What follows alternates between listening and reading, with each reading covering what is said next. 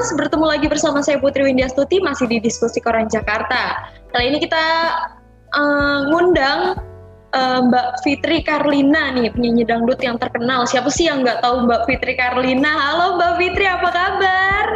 Halo, apa kabar semuanya? Aduh, sapa dong teman-teman Jakarta, Mbak Fitri. Halo teman-teman Jakarta semuanya, gimana kabarnya? Mudah-mudahan selalu sehat dan juga semoga kita selalu dijauhkan dari uh, pandemi ini ya. Amin, amin, amin, amin. Virus corona semua kita dijauhkan. Amin, amin. Kita nggak tahu nih ya kapan kelarnya nih virus nih Mbak. nah, pokoknya satu jaga kesehatan dan juga selalu patuhi protokol kesehatan. Oke. Okay? Oke Mbak Fitri, boleh tahu nggak sih aku nih eh, Mbak Fitri lagi sibuk apa sih sekarang? Ya, aku sekarang lagi sibuk mempersiapkan untuk uh, virtual show, uh, virtual event nanti uh, untuk acara Super Bowl Week uh, di Amerika.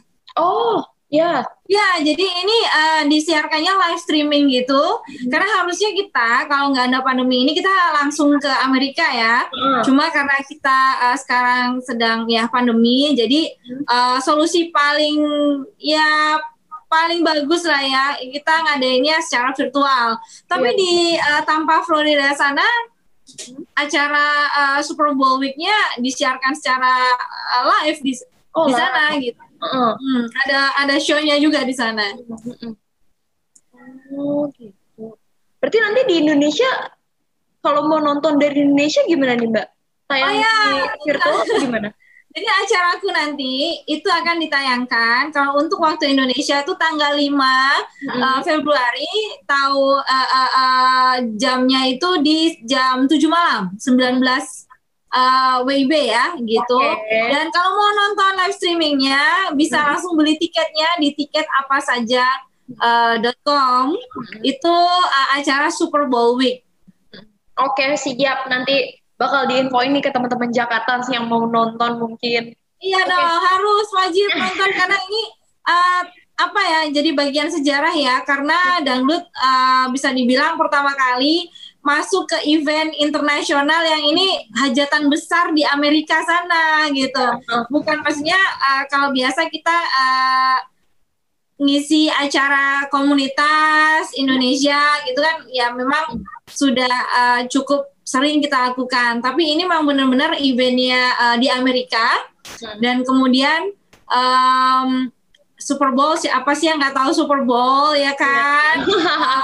Acara football terbesar di Amerika dan uh, nanti itu memang kita ada tiketnya, tapi memang hasil dari tiketnya itu akan disumbangkan untuk kegiatan olahraga. Jadi uh, kita ini uh, charity virtual event ya, gitu. Iya.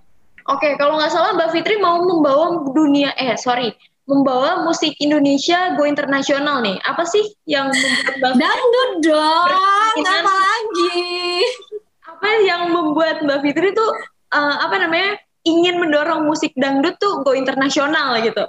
Ya, sebenarnya ini juga aku benar-benar beyond my expectation ya. Hmm. Di luar di luar uh, apa ya bayangan aku gitu loh bahwa Kemudian uh, aku dikenalkan dengan uh, tim uh, produksi major label di Amerika, Wipo Global gitu ya. Dan kemudian jadi aku uh, diajak kerja sama sama uh, salah satu produser di sana, major label di uh, Amerika, namanya Wipo Global International, dan uh, songwriternya juga itu uh, yang pernah nyiptain lagu-lagunya Beyonce, oh, Rihanna, iya. Justin Bieber, uh, Alicia Keys, terus Sinead O'Connor. Jadi uh, bukan bukan orang sembarangan gitu loh. Makanya mak ini tuh aku masih seperti mimpi sih gitu. Kok bisa uh, menjadi yang salah satu terpilih uh, untuk mengisi acara tersebut dan nanti ke depannya akan berkelanjutan aku akan rekaman gitu untuk uh, antar dua benua ya, jadi antara Amerika dan Indonesia. Jadi nanti yang untuk uh, acara yang di uh, virtual event nanti itu aku bakal duet sama penyanyi Amerika. Jadi kita lakuin secara virtual ya. Uh, dia ada di sana dan aku ada di sini. Uh, namanya Esko Mm-hmm. Dia penyanyi uh, Amerika dari Wepo Global. Terus juga lagunya udah cukup dikenal di Amerika sana. Dan akhirnya kita ada collapse. Dia R&B, tapi aku bawainnya uh, aku masukin unsur dangdut gitu. Mm-hmm. Terus untuk Mbak Karlina membawakan genre dangdut untuk tampil di internasional nih gimana nih? Apakah berbeda instrumen-instrumen atau gimana nih? Penasaran ya. Ya, kalau yang berbeda pastinya yang itu, yang uh, lagu Only Option ya. Hmm. Only Option itu uh, lagunya Esko yang aku nanti akan kolaborasi sama uh, dia. Jadi itu ciptaannya dari Jimmy Cozier selaku uh, CEO Wipop dan juga songwriternya. Dan um, aku juga nanti bakal bawain lagu aku yang terbaru gitu. Jadi oh. alhamdulillah Wipop Global uh, dan acara Super Bowl itu memberikan kesempatan buat kita untuk bawain juga Eh, lagu-lagu uh, kita gitu.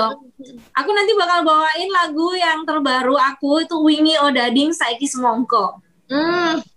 Tarik sis. Monggo. Semongko. Terus susah nggak sih Mbak memperkenalkan musik dangdut nih di uh, kerana internasional? Ya, uh, susah ya gimana ya? Gampang-gampang susah. Alias sebenarnya susah-susah gampang atau susah-susah-susah ya, ya. jadi gimana uh, gimana bersyukurnya um, aku memang beberapa kali itu sudah ada kerjasama dengan uh, Amerika ya dan ke, uh, kemudian juga dengan pemerintahan Amerika juga. Aku udah beberapa kali ada kegiatan. Tahun 2010 dulu aku uh, pertama kali di kedutaan besar Indonesia ada di uh, Washington di DC aku ngisi acara di sana. Kemudian dari situ aku kenal dengan komunitas uh, yang pencinta dangdut di Amerika. Ini orang lokal ya, orang iya, lokal ya, tapi cinta dangdut gitu. Dan oh. kemudian aku pernah juga kolaborasi sama penyanyi pendatang baru Amerika gitu, uh, Lil AK. Uh, uh, waktu itu ada di YouTube channel aku.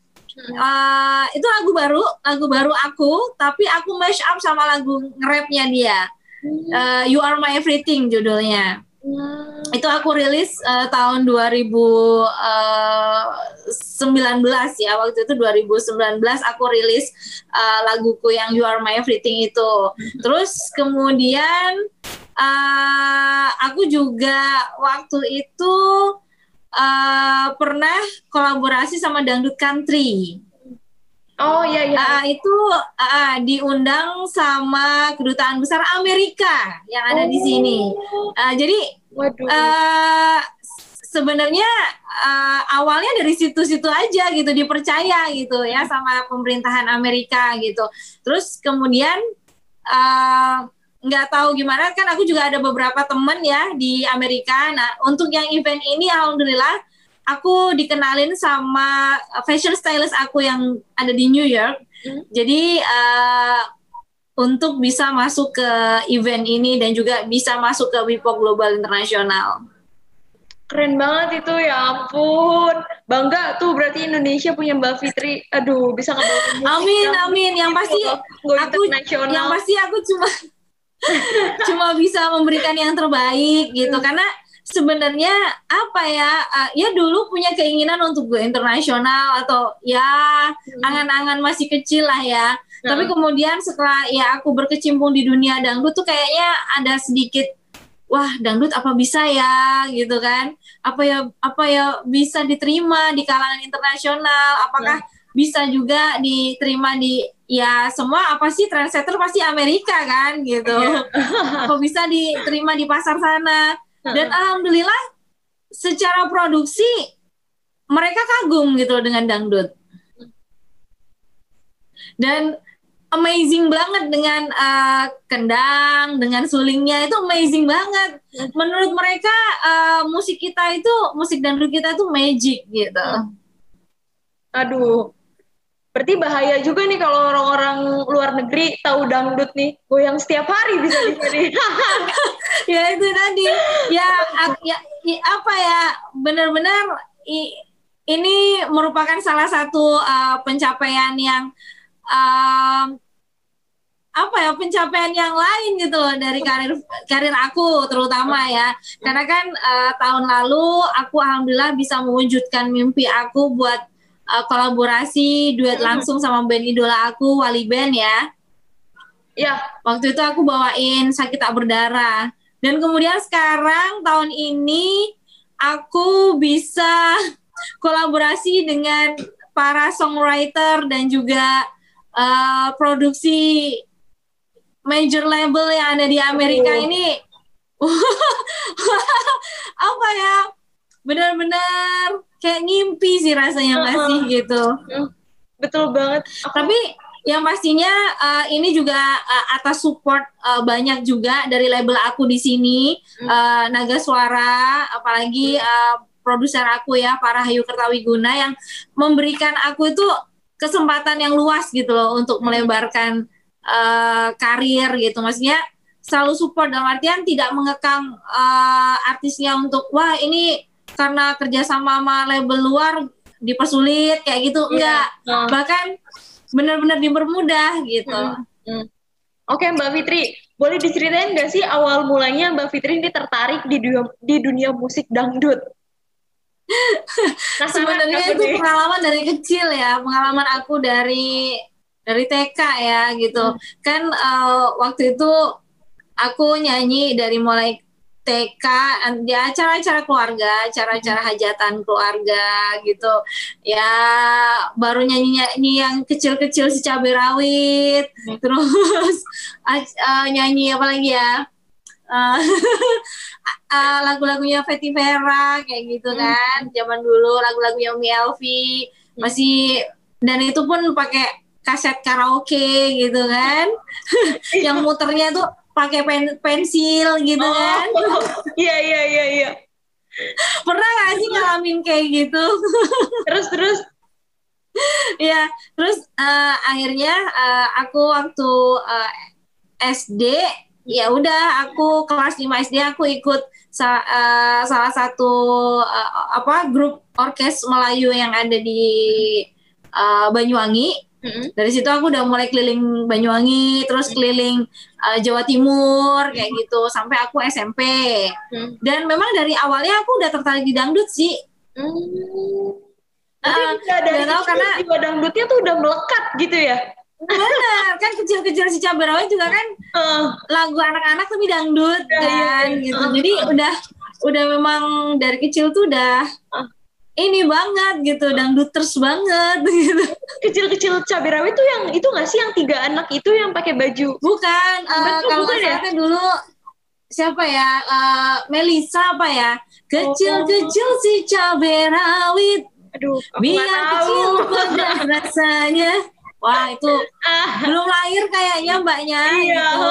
bener oke kira-kira iya uh, dalam waktu dekat ini Mbak Fitri bakal ngeluarin single atau album terbaru gitu nggak? Ya, yang pastinya sih uh, sementara aku masih promo yang Wingi Odading Saiki Semongko. Hmm. Terus kemudian kemudian uh, di bulan Februari ini ada rilis. Sebenarnya sih bukan bukan lagu aku ya. Jadi aku uh, diminta untuk featuring gitu loh. Hmm. Jadi ada uh, penyanyi pendatang baru, masih muda, masih remaja, namanya Rakan. Nah, dia hmm, butuh ada ada suara cewek gitu kan. Ya, terus akhirnya uh, gimana kalau Teh Fitri? Ya udah deh gitu kan. Akhirnya ada collab di situ. Hmm. nanti ada bulan Februari ini Insya Allah akan rilis. Terus kemudian Insya Allah bulan Maret itu ada itu lagu yang kolaborasi sama Amerika. Insya Allah rilis. Iya. Boleh tuh nanti kalau udah launching undang-undang koran Jakarta. Insya Allah. Jadi gini, Make me your only option. Yeah. Make me your only option. Yeah. Tapi itu ada musik-musik dangdutnya juga kan ya Mbak ya? Ada. Jadi memang uh, dia uh, aslinya full R&B, hmm. cuma memang kita masukkan unsur kendang dan juga uh, sulingnya ya gitu. Jadi biar benar-benar uh, ngerasain Indonesian vibe, dangdut vibe gitu. Mbak Fitri, boleh nggak sedikit aja nyanyiin lagu Wingi Odading Saiki Semongko? Biar Oke. Okay bareng-bareng ya, bareng-bareng ya. Oke, sama-sama. Ini lagu terbaru aku, Wingo Dading Saiki Semongko. Tareses Semongko. Wingi rame, oh dading saiki rame semongko wingi mbok anggap penting. Saiki tutu sapa-sapa. Wingi rame oh dading. Saiki rame semongko wingi se iso nyanding. Jebol wong dianggap kanca. Oh oh oh jebol wong dianggap kanca Oh, oh, oh. Aduh, bagus banget suaranya. Nah, ini ada yang unik dari lagu ini. Oh, Ini adalah lagu ciptaan dari fans aku. Oh ya. Ya, dan ini uh, dan dia ini juga fansnya Leslar. Tahu nggak sih Leslar? Aku juga lihat di IG-nya Kak Fitri. Leslar tuh Lesti dan Bilar kan aku lagi lagi aku benar-benar support mereka kan gitu. Nah kebetulan dari komunitas itu uh. Uh, dia bilang wah aku juga ngefans banget sama Teh Fitri gitu uh. kan. Alhamdulillah terus itu kita suka bikin kolaps kolaps gitu kan tribute untuk uh, Leslar gitu. Uh. Terus kemudian dia bilang Teh aku punya lagu baru apa Wingi Odading saiki semongko gitu kan. Oh. Seru tuh kayaknya gitu kayak gimana terus kayak gini teh gitu. Oh, oke okay, oke okay, ya udah. Uh, akhir awalnya aku cuma rilis di YouTube kan. Hmm. Rilis di YouTube alhamdulillah banyak banget atensinya bagus. Hmm. Terus akhirnya uh, ya itu sama label aku ya udah keluarin aja kita rilis nasional. Aku juga aku juga akhirnya kenapa? Eh, gimana Mbak? Mbak dulu apa? Ya. akhirnya malah bukan rilis nasional lagi, rilis internasional. Keren banget sih itu. Mantep banget sih. Maksudnya keren gitu. Ada muncul di ini live streaming saya, Pak. Ayo Pak, keluar Pak. Bawain bakso, maaf ya. Iya, nggak apa-apa. Maksudnya keren banget gitu loh Mbak Fitri udah bisa ngebawa musik dangdut nih go internasional nih udah pasti Indonesia sebenarnya kan sebelum sebelumnya hmm? uh, sebelum aku memang uh, sudah ada duluan cuma mungkin aku lebih meneruskan aja ya. terutama ya uh, Pak Haji Roma Irama pastinya sudah duluan beliau ya, uh. Uh, ibaratnya mewiwiti apa ya, ya menjadi pionir gitu loh uh, untuk mengenalkan musik dangdut di Amerika kemudian senior senior aku ada uh, Telisa Natalia, uh, Neng uh, Christina, ada juga uh, Neng Cita-Cita yang memang sudah duluan ke ya. Amerika cuma mungkin hari ini yang uh, spesial adalah ini adalah hajatan besar Amerika Super iya, Bowl yeah, yeah. gitu kan dan ini aku ngisi di uh, rangkaiannya. Jadi pre-show-nya sebelum show akbar, sebelum pertandingannya uh, kita ada uh, show-nya gitu. Aduh. Sebenarnya aku nih sebelum uh, Kak Fitri ngebahas tentang Leslar, aku pengen bahas belakangan nih. Tapi karena tadi udah cetus duluan, jadi aku nanya nih ya.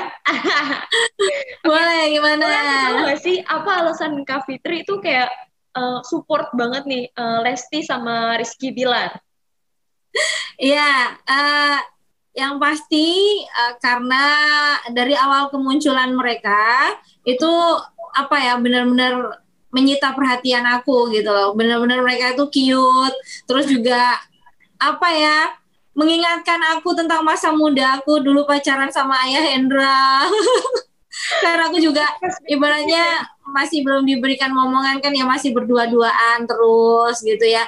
Jadi kayak memberikan nuansa baru aja sih dalam kehidupan pernikahan aku karena uh, ya apa ya memberikan semangat gitu loh, semangat baru untuk terus selalu mesra, selalu cute sama pasangan kayak gitu. Itu justru inspirasinya dari mereka gitu. Walaupun memang sebelumnya kan aku sudah kenal dengan Lesti dan juga uh, apa selalu ngefans dengan karya-karyanya dari Lesti kan hmm. gitu um, dan apa namanya waktu itu kita juga pernah uh, dalam satu event bareng kan uh, di acara uh, apa talent search di Indosiar kan kayak gitu. Jadi bukan orang lain sebenarnya, cuma karena kebetulan uh, dan aku juga sudah apa mengikuti uh, cerita cintanya yang dengan yang dulu pun aku ngikutin gitu.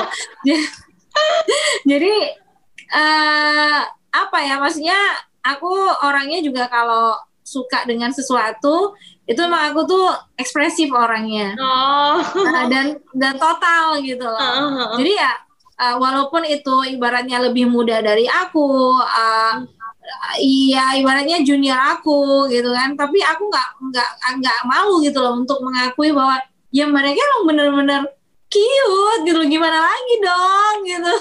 Lucu ya kalau ngelihat ya. Iya gitu. Dan ya mudah-mudahan aja uh, dalam waktu dekat uh, janjinya Bang Bilar ya bisa menghalalkan, weh bisa halalin Dede Lesti itu bisa segera terwujud lah kita doain aja yang terbaik ya. Amin amin amin amin. Oke Kak Fitri, aku mau nanya nih, di tengah pandemi ini ada kesulitan nggak sih uh? bermain musik? Oke, okay, uh, eh, sebenarnya ini adalah pinter-pinter kita aja untuk beradaptasi ya. Jadi uh, kayak sekarang kan ya show-nya ya virtual gitu ya. Kalaupun acara uh, ya palingan on air seperti itu. Jadi kalau untuk bermusik ya palingan kemarin aku banyak waktu yang masih kita PSBB ketat banget tuh, aku uh, bermusiknya lewat handphone, rekamannya lewat HP. Dan alhamdulillah aku masih bisa terus berkarya, termasuk salah satunya hasil hasil dari pandemi yaitu Wingi Odading Saiki yeah. Semongko.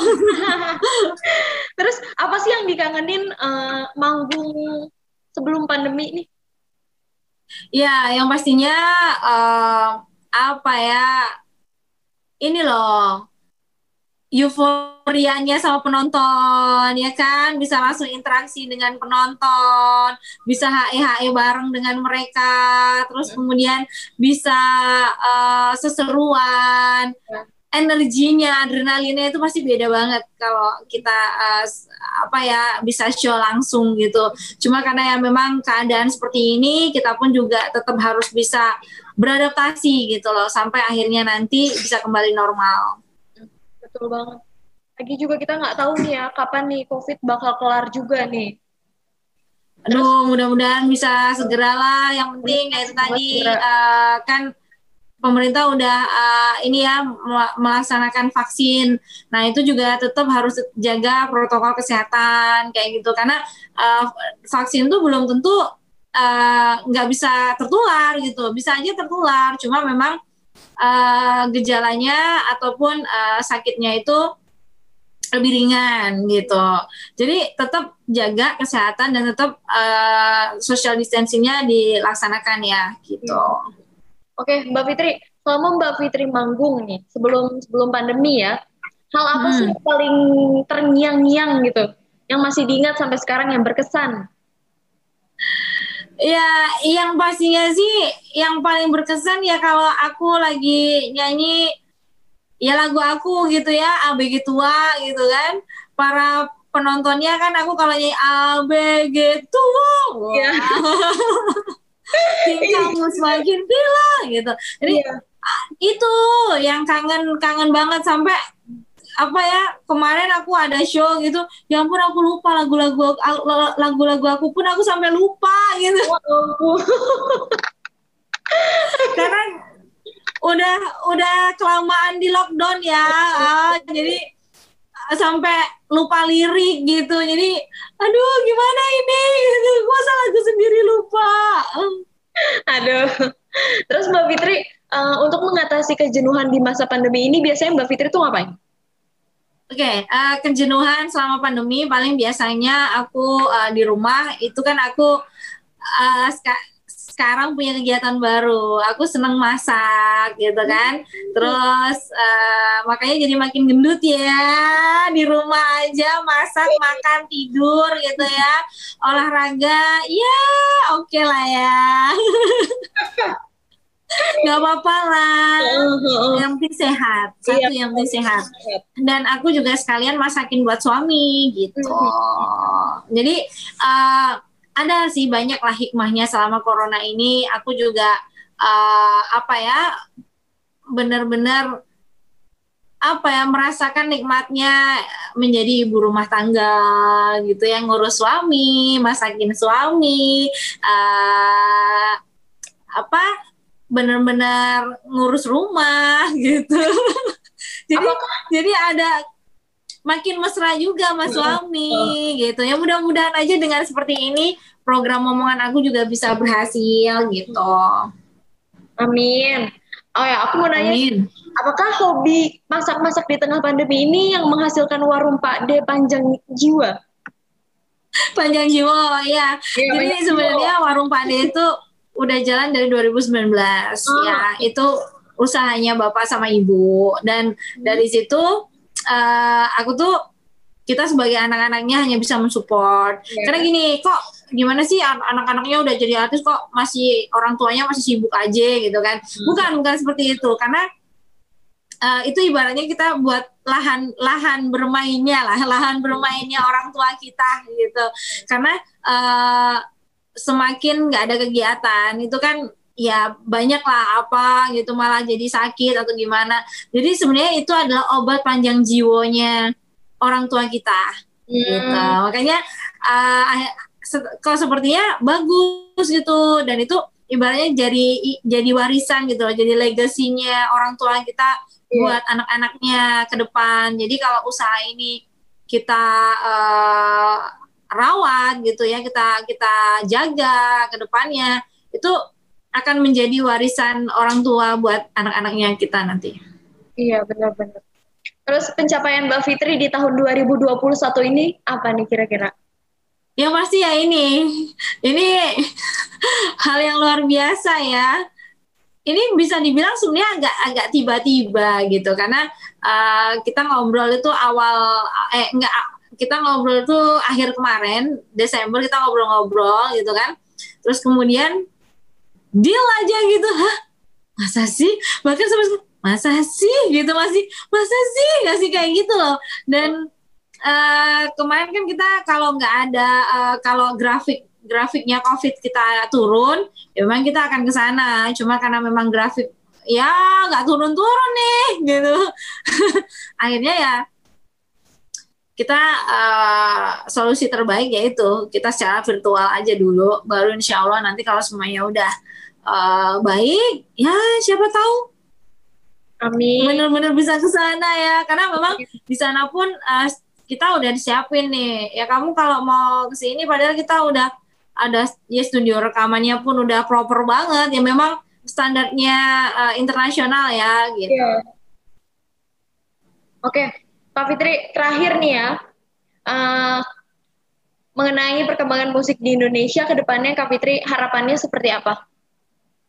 Ya, yang pasti harapannya uh, musik Indonesia uh, terus hidup, terus maju, terus berkembang, terus juga selalu penuh dengan inovasi-inovasi baru ya dari para milenial dan juga para senior-senior kita karena uh, ya kita tidak pernah apa ya maksudnya yang penting kita fokus gitu kan uh, sosok almarhum Didi Kempot kan akan menjadi fenomena tersendiri gitu kan. Padahal dulu kan uh, campur sari itu adalah musiknya sangat segmented banget. Tapi karena beliau fokus membangun terus kemudian melestarikan akhirnya anak-anak zaman now juga ya milenial-milenial sekarang pun jadi kebawa kan gitu. Yeah. Jadi ya uh, eksistensi dan tetap fokus dan semoga musik Indonesia ini bisa semakin berkembang bahkan juga ya itu go internasional gitu kan. Ya mungkin uh, karena aku juga tetap fokus di dunia dangdut dan memang aku ya aku memang waktu itu bilang ya aku nggak bisa lepas dari genre aku gitu.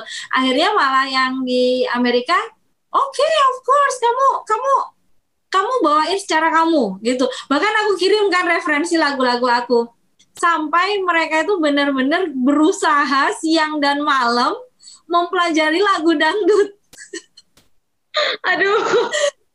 Nah, padahal uh, mereka ini orang orang-orang yang berkecimpung di uh, maksudnya ini aku juga ini ya maksudnya mungkin aku nggak ngomong nggak uh, ngomong secara uh, apa ya mungkin berlebihan atau gimana tapi memang secara nyatanya gitu orang orang-orang yang berkecimpung di uh, Wipong Internasional itu uh, para nominator Grammy kayak gitu. Jadi kan memang uh, memang orang yang sudah berpengalaman gitu sedangkan harus mempelajari musik dangdut gitu. Dan apa effort mereka upaya mereka untuk uh, mempelajari dan membuat karya dangdut rasa internasional nih loh yang aku aja udah ngerasa bangga gitu kan. Jadi merinding sih memang gitu bisa uh, apa ya ibaratnya kalau uh, kiasannya gitu ya bisa ngerjain orang orang-orang Amerika sana untuk mempelajari dangdut gitu Aduh, ya ampun. Kak Fitri, terima kasih banyak ya sudah mau uh, dihubungi sama Koran Jakarta, terus sudah menyempatkan Iya, terima kasih Koran Jakarta. Semoga Kak Fitri selalu sukses, sehat, terus. Amin. Stay safe, jaga kesehatannya. Terus uh, apa ya? Aduh banyak banget kayaknya pesan yang mau aku sampaikan deh. Fitri atas waktunya ya. Ya, sama-sama. Terima kasih banyak single terbarunya boleh lah calling calling koran Jakarta. Boleh, boleh. Nanti aku kabarin. Oke. Okay. Ya kak. Oke, okay, dadah. Wawancara kami dengan Mbak Fitri Karlina. Nantikan diskusi selanjutnya dengan narasumber yang yang akan memberikan Anda insight yang berbeda. Saya Putri Windiastuti, pamit undur diri. Dah.